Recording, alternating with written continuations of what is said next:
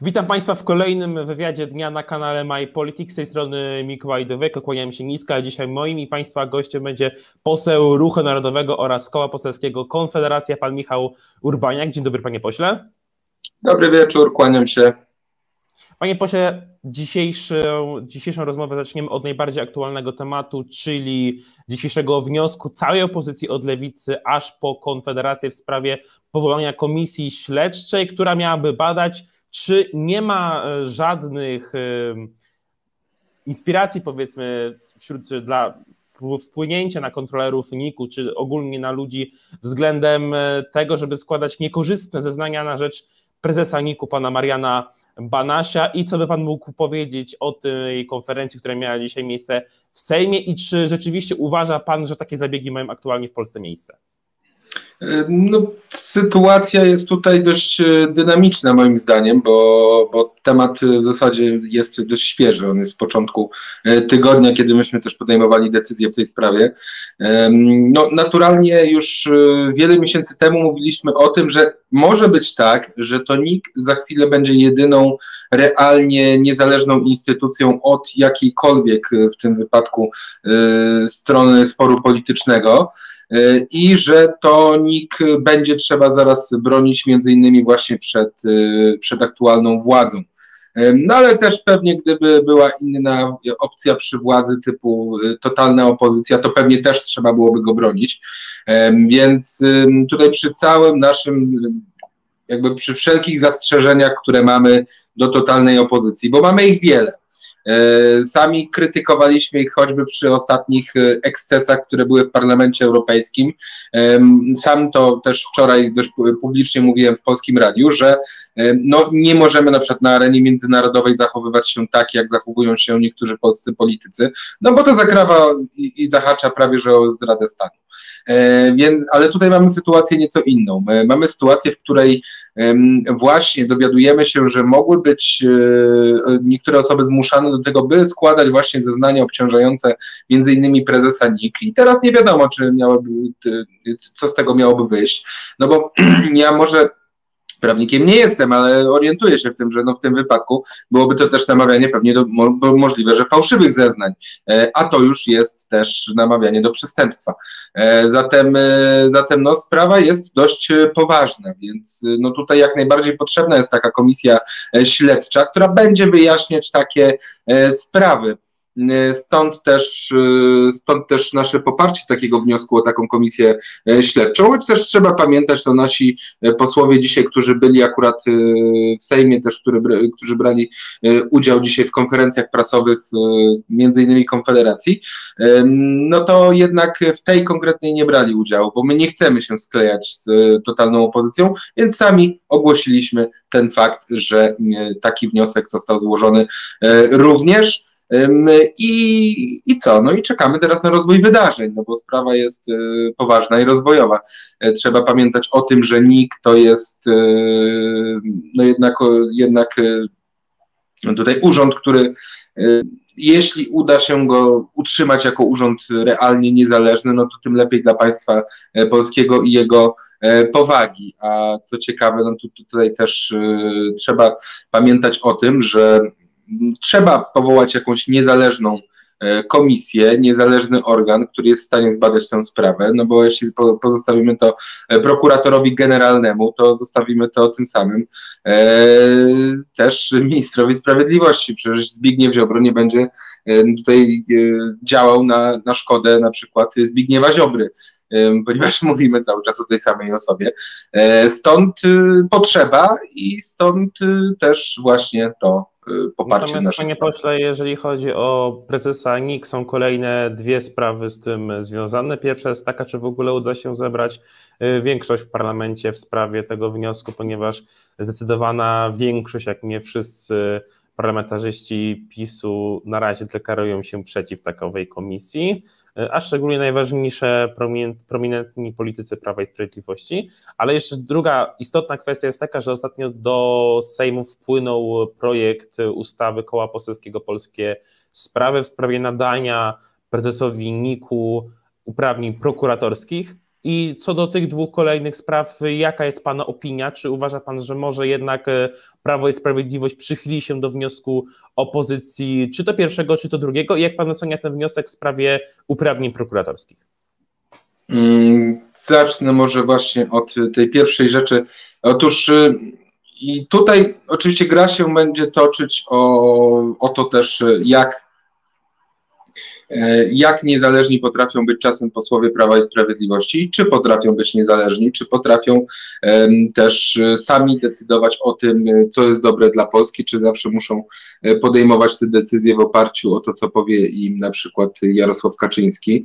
No, naturalnym jest, że każda formacja polityczna, która jest w Sejmie, powinna być formacją, która jest solidarna wobec siebie i te, te decyzje polityczne są podejmowane tak, że wszyscy y, wspólnie głosują głosują tak samo. Oczywiście to jest, y, to jest jakby taka podstawa tego parlamentaryzmu. No, ciężko y, by było inaczej, bo inaczej też będzie oczywiście wielki chaos. No, ale jest to sytuacja, która moim zdaniem też należy do tych, czy ktoś okazuje się przyzwoitym, czy okazuje się nieprzyzwoitym i czy szanuje państwo polskie bardziej niż swoją formację, czy nie. Więc y, liczę na to, że jacyś posłowie się wyłamią z tego, z tego bloku rządzącego i poprą taki wniosek właśnie o powołanie takiej komisji. Może, może tutaj posłowie Kukiza na przykład y, byliby do tego skłonni, może niektórzy posłowie Solidarnej Polski, a może ktoś y, właśnie z samego jądra e, władzy, czyli z PiSu. No sprawa jest rozwojowa. A być może wszystko rozbije się o pewne nieobecności, bo to, to, też zawsze może być taka szansa, że ktoś nie dojedzie na głosowania, a opozycja w tym wypadku arytmetycznie po prostu będzie miała więcej głosów na sali i też taki wniosek może e, przejść. No, zmiennych jest wiele, więc y, ja nie lubię wróżenia z fusów, Mówię o tym, jakie są warianty, ale nie chcę mówić o tym, który jest najbardziej prawdopodobny, bo w tym momencie tego nie wiemy. Skłaniałbym się ewentualnie ku temu, że, że, że jednak e, tam e, pan Jarosław Kaczyński e, tupnie nogą porządnie i wszyscy staną grzecznie w szeregu, ale właśnie jest jeszcze parę szans na to, by taki wniosek przeszedł. A co do kwestii dotyczącej uprawnień prokuratorskich dla Najwyższej Izby Kontroli, no, to jest rzecz, którą uważam, że warto poprzeć, y, ponieważ w tym wypadku też y, no, NIK jest instytucją, która może ewentualnie składać y, doniesienia do prokuratury i prokuratura podejmuje albo nie podejmuje sprawy. A być może właśnie warto, żeby nikt też miał takie uprawnienia, na przykład Instytut Pamięci Narodowej, przecież Komisja Ścigania Zbrodni przeciwko Narodowi Polskiemu ma takie uprawnienia, może rozpoczynać e, tutaj te śledztwa, więc to też mogłoby działać w przypadku NIK-u, no bo to jeszcze przecież nie przesądza o tym, czy ktoś jest przykładowo skazany na coś, czy nie skazany, ale e, jest już też e, pewne uproszczenie i mniejsza liczba instytucji musi brać udział w całym procesie podejmowania takiej sprawy. E, mniej po drodze tych decyzji trzeba podejmować, tylko jest już jedna decyzja wychodząca z NIK-u i maszynka się zaczyna toczyć. To jest dobre też o tyle, że trzeba pamiętać o tym i tu przypomnę to, co powiedział też kiedyś Jarosław Kaczyński, nie pamiętam, w którym to było roku, ale był jeszcze dość młodym człowiekiem, mniej więcej pewnie równolatkiem plus minus jak ja teraz. E, I powiedział o tym, że w demokracji instytucje, mm, te, które są instytucjami tutaj rządowymi, instytucjami władzy szeroko pojętymi, nie mogą mieć nigdy za wiele, by równoważyły się też wewnętrznie. No, Miał na myśli akurat wtedy sytuację z Belwederem, że to Belweder był najsilniejszym ośrodkiem władzy w Polsce. No to w latach 90. jeszcze.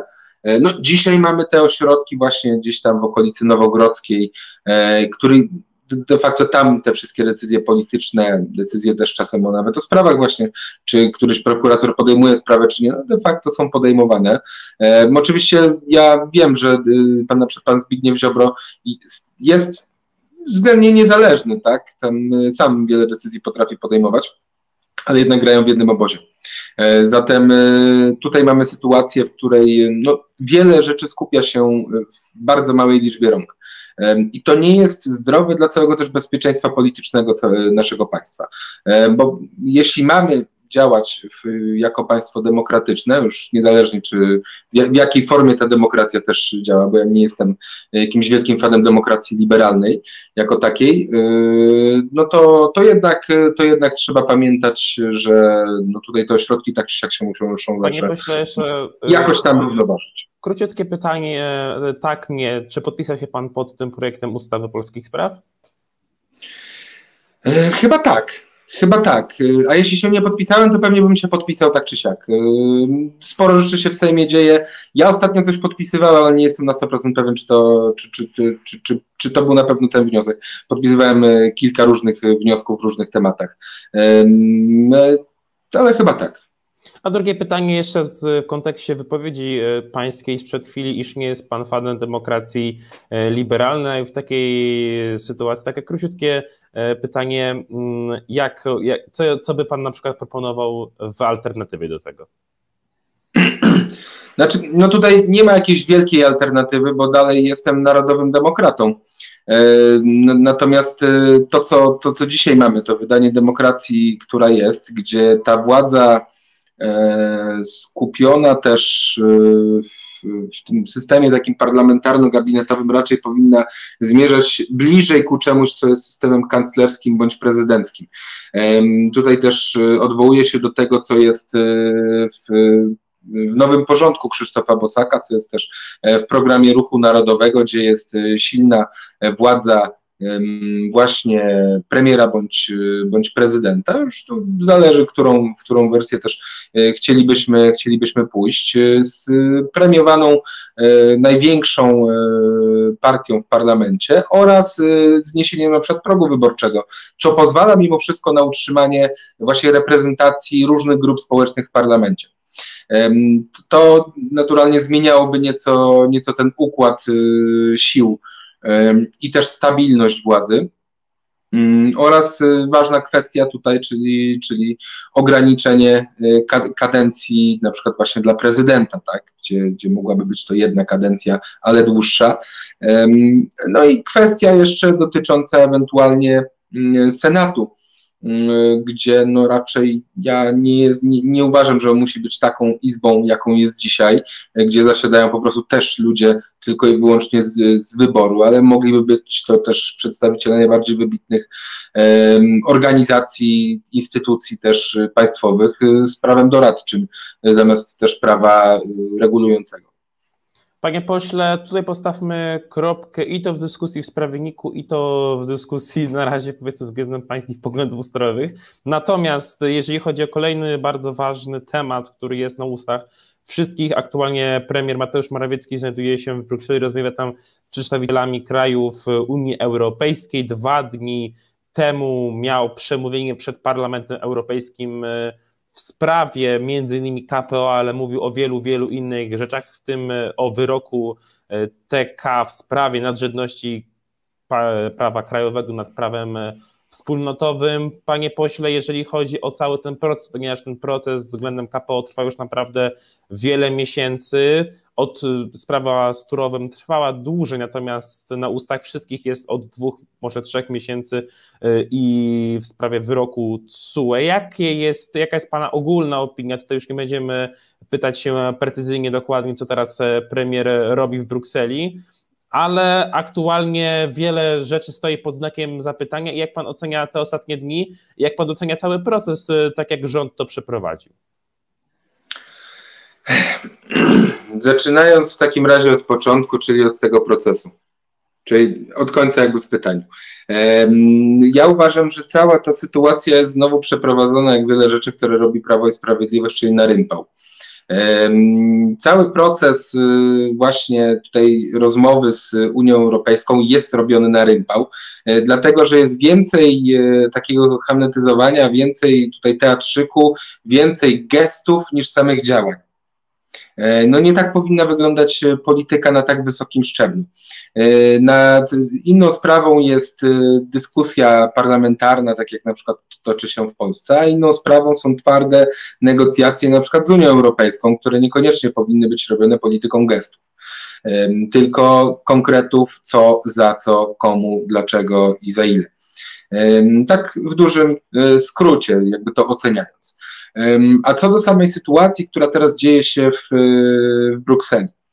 No, Mateusz Morawiecki, kolejny premier, który jechał do Parlamentu Europejskiego się tłumaczyć de facto z tego, co się dzieje w Polsce. Mateusz Morawiecki wygłosił dość dobre, moim zdaniem, przemówienie, jak na, jak na człowieka też, który zgodził się na zadłużenie Polski w, w Brukseli, zgodził się na to, żeby Bruksela, czy tutaj właśnie Komisja Europejska mogła zaciągać w imieniu państw członkowskich dług, no to jak na człowieka, który się na takie coś zgodził, to było naprawdę przyzwoite. No, mówił sporo o Europie Narodów, mówił o właśnie tym, państwa, e, które, które należą do wspólnoty, miały zawsze pierwszeństwo swojego prawa nad prawem unijnym, w dużym skrócie. I to jest prawda i tak powinno właśnie e, być. E, zgłaszanie do, do Trybunału Konstytucyjnego sprawy o, o rozstrzygnięcie, czy prawo polskie jest ważniejsze od prawa unijnego, no, w zasadzie no, może jako gest polityczny było potrzebne, ale po prostu to powinno być jasnością i to powinno być przestrzegane, a nie, że trzeba szukać sobie nowych dowodów na to, że tak jest. Ponieważ y, mamy jasną hierarchię y, aktów prawnych, konstytucja, umowy międzynarodowe, ustawy, rozporządzenia, prawo miejscowe, tak? I tutaj też y, oczywiście to, co jest w zapisach umów międzynarodowych, tylko w tym zakresie, w którym jest w tych umowach, nie więcej. Ani o kciuk, czy na parstek pięć, jak to się mówi. E, więc y, mamy mm, tutaj sytuację, w której Unia Europejska po prostu próbuje w sposób niepraworządny zbierać sobie nowe uprawnienia, takim prawem kaduka. Też y, wykorzystuje to właśnie Trybunał Sprawiedliwości Unii Europejskiej, orzeka w sprawach, których w zasadzie nie ma, y, nie ma władztwa. E, podobnie tak było z Turowem, wcześniej było tak z, z, z, systemem tam z Izbą Dyscyplinarną bodaj. E, no i takich rzeczy, rzeczy pewnie jeszcze byśmy trochę znaleźli. E, I to nie znaczy, że ja będę teraz chwalił Izbę Dyscyplinarną, bo uważam, że ta reforma pisowska, choć potrzebna w ogóle, została zrobiona źle. Została zrobiona w taki sposób też trochę narympał, tak? Zamiast podczekać chwilę i zająć się tym nieco później, ewentualnie zrobić więcej konsultacji też e, nawet ze środowiskiem. E, no to, to mamy co mamy. E, I w Parlamencie Europejskim tutaj zaproszony premier Morawiecki przedstawiając argumenty, w dużej części właśnie słuszne, na temat tego, jak, jaki powinien być stosunek między, między narodami a centralą unijną. No, został potraktowany też w sposób dość nieelegancki, między innymi przez polskich europarlamentarzystów, którzy no, zrobili taki pokaz ojkofobii i tego, że bardziej zależy im na Unii Europejskiej niż na, e, niż na Polsce, co jest przykre.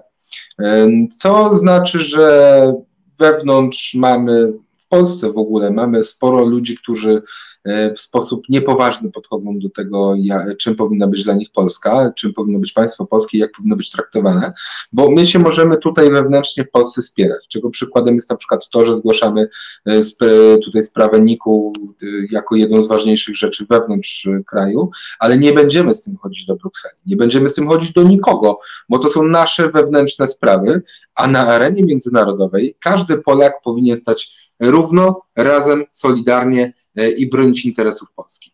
E, no, też inaczej, tylko dokończę dwa słowa, e, inaczej może jeszcze czasem wyglądać kwestia obrony tych interesów, czy definicji ich, ale to rozmawiajmy o tym wewnętrznie, ponieważ ja nie uważam, żeby interesem Polski było to, że jeśli teraz my się tutaj prawie klękamy przed Unią Europejską o pieniądze, no jeszcze musimy robić z siebie jako państwo w ogóle tutaj E, robić z siebie takich cierpiętników, e, musimy gdzieś tam wysypać e, głowę popiołem, a nie wiadomo tak naprawdę, czy my te pieniądze dostaniemy. Bo Unia też wcale nie gra fair i to trzeba sobie powiedzieć wprost. Ja uważam, że może warto byłoby jednak zrenegocjować ten fundusz odbudowy, ewentualnie od...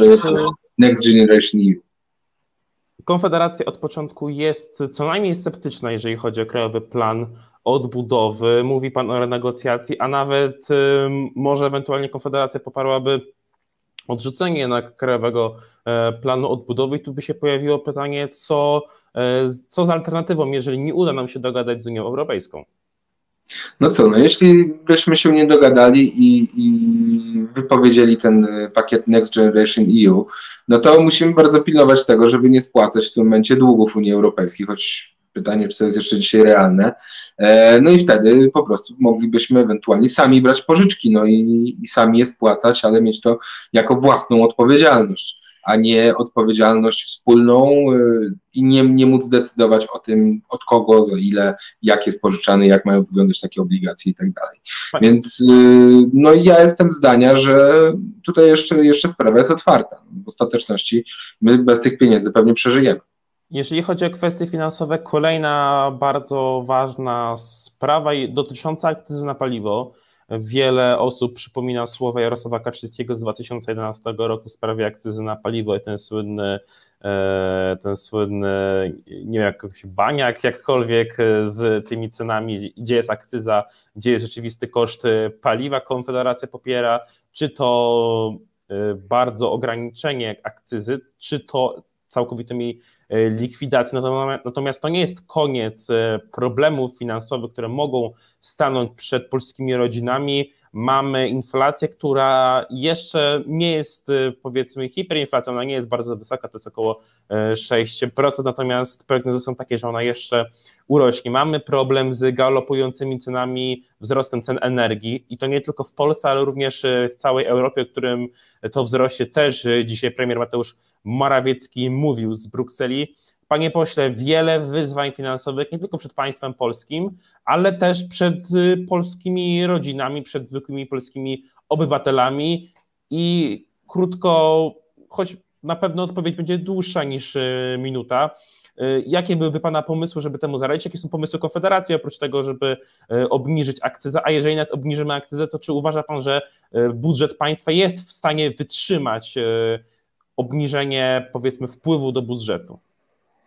Biorąc pod uwagę przyspieszającą inflację, trzeba pamiętać też, że budżet państwa będzie zarabiał nieco więcej, bo to jest zawsze taki ukryty podatek, którego się nie przegłosowuje w żaden sposób. Otóż y, poza obniżkami akcyzy na paliwo, myśmy też jeszcze w tym tygodniu postulowali tutaj możliwość zwolnienia y, cen prądu z y, tego dla gospodarstw domowych z VAT-u. E, ponieważ VAT to jest e, taki podatek, który no zawsze na końcu płaci konsument, firmy go nie odczuwają, e, więc niech państwo polskie w tym wypadku trochę mniej zarobi w tej kwestii, e, bo i tak sobie w innych sprawach zrekompens rekompensuje choćby właśnie inflacją, e, to spróbujmy, spróbujmy tutaj obniżyć te ceny dla gospodarstw domowych. To jednak mogłoby wpłynąć pozytywnie na, na ceny w ogóle energii. E, I być może trochę wolniej ta inflacja by tutaj sobie galopowała. Może nie byłby to zaraz cwał, tylko tak wstęp. E, I myślę, że myślę, że no te dwie rzeczy, czyli właśnie y, obniżki cen energii dla samochodów czy dla transportu szeroko pojętego, e, obniżki cen energii elektrycznej, no mogłyby spowodować też to, że, że polskie rodziny aż tak nie odczują E, tych skutków e, tego, co się za chwilę może wydarzyć. Trzeba pamiętać też o tym, że no właśnie ceny produktów rosną wraz z cenami energii i wraz z cenami właśnie paliwa. Jeśli obniżymy, to na pewno przynajmniej trochę zwolni. No, inną kwestią jest, dotyczącą też ewentualnie no właśnie inflacji, no jest kwestia stóp procentowych, tak? Tutaj zabawne jest to, że, że jeszcze parę tygodni temu, no, może dwa miesiące, ale nie dalej, to tutaj NBP ogłaszało, bodaj prezes NBP Glapiński, że no teraz to podnoszenie stóp procentowych to nie, to się nie wydarzy, to nie ma sensu, a jednak już zaczął podnosić. Być może będzie trzeba jeszcze trochę te stopy procentowe podnieść. Nie, nie można tego wykluczać, e, no bo też tani pieniądz no, generuje, e, też generuje inflację i o tym trzeba pamiętać. Taki tani pożyczkowy pieniądz. E, więc być może tutaj w tej kwestii też będzie trzeba zareagować. No to jest taki chyba standardowy dosyć mechanizm, tak, który, który, który jest wykorzystywany przez banki centralne. No i, i, i jakby nie, nie ma tu moim zdaniem nic jakoś specjalnie dziwnego, że, że raz na jakiś czas się po prostu tymi stopami procentowymi operuje. I na koniec klasycznie pytanie od naszych widzów do naszego dzisiejszego gościa. Pierwsze pytanie, czy poprze Pan projekt obywatelski organizacji Kai Godek, który już znajduje się w Sejmie? Mm, być może zabrzmi to jak unik, ale ja po prostu jeszcze tego projektu nie czytałem, e, więc e, mogę, czy mogę go poprę? Tylko objaśnić, co tam e, w środku jest. Między innymi bardzo ciekawy zapis jest o tym, iż no de facto ma to praktycznie uniemożliwić promocję innej orientacji niż heteroseksualizm, co jest jawnym uderzeniem na przykład w tak zwane marsze równości. No, mi się marsze równości dość, no, marsze równości właśnie, pytanie czy to marsze równości czy przywilejów. E, mi się e, takie spędy wybitnie nie podobają i wiele razy już e, wyrażałem w tej sprawie swoją opinię. E, uważam, że te środowiska tych e, takich skrajnych aktywistów LGBT już abstrahujmy od ludzi, którzy mają po prostu zaburzenia, bo, bo e, tych trzeba traktować po prostu ze zrozumieniem i empatią. to, to są środowiska bardzo niebezpieczne. Czego ma Pan na myśli względem ludzi z zaburzeniami? No, się... na przykład osoby y, y, homoseksualne, no to jednak jest pewne zaburzenie i y, trzeba taki, z, z, takimi osobami normalnie i, i empatycznie też do nich podchodzić, a nie, nie gdzieś tam wytykać palcem, tak? Ale już jak mówimy o, o takich aktywistach, to tych y, palcem uważam, że trzeba wytykać, bo, bo sami szkodzą um, osobom y, tam z podobnymi skłonnościami Czy do siebie. nie zgodziłby się pan z Światową Organizacją Zdrowia, która od 30 lat twierdzi, że homoseksualizm nie jest zaburzeniem? No wcześniej jakoś uważała, że jest. Więc y, to idzie w parze z tym, jak te środowiska aktywistów gdzieś tam zaczęły lobbować. Zatem ja jestem tradycjonalistą e, i, i no nie uważam, że głosowaniem jakimś można stwierdzić, że coś jest albo nie jest chorobą bądź zaburzeniem. E, zresztą trzeba, trzeba, trzeba po prostu przede wszystkim właśnie sporo empatii. E, ale już co do samego projektu, mm, jak zdecydujemy na kole, tak będziemy głosować w, w, w Konfederacji. Jaka decyzja zapadnie, jeszcze zobaczymy.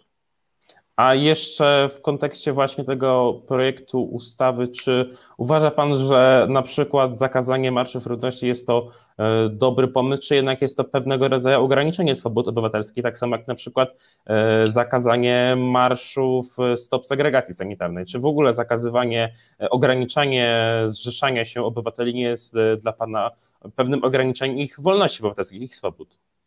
No, już dzisiaj mamy pewne ograniczenia też y, w ustawie o, o zgromadzeniach publicznych, czy w ogóle jest, no, pewien dobry obyczaj też yy, powinien być stosowany. No, rzeczy obscenicznych nie powinno się publicznie pokazywać. I Szanowni Państwo, postawmy tutaj kropkę w naszej dzisiejszej rozmowie. Bardzo dziękuję Państwu za obecność na naszej transmisji i mojemu e, gościowi, którym dzisiaj był pan poseł Michał Urbaniak z Konfederacji.